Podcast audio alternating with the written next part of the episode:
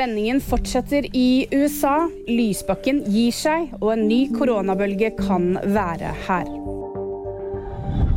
Stemmene i mellomvalget i USA telles fremdeles opp, og så langt så gjør demokratene det langt bedre enn ventet. De ligger an til å beholde makten i Senatet. Samtidig så ligger de dårligere an i Representantenes hus, der flertallet ser ut til å gå til republikanerne.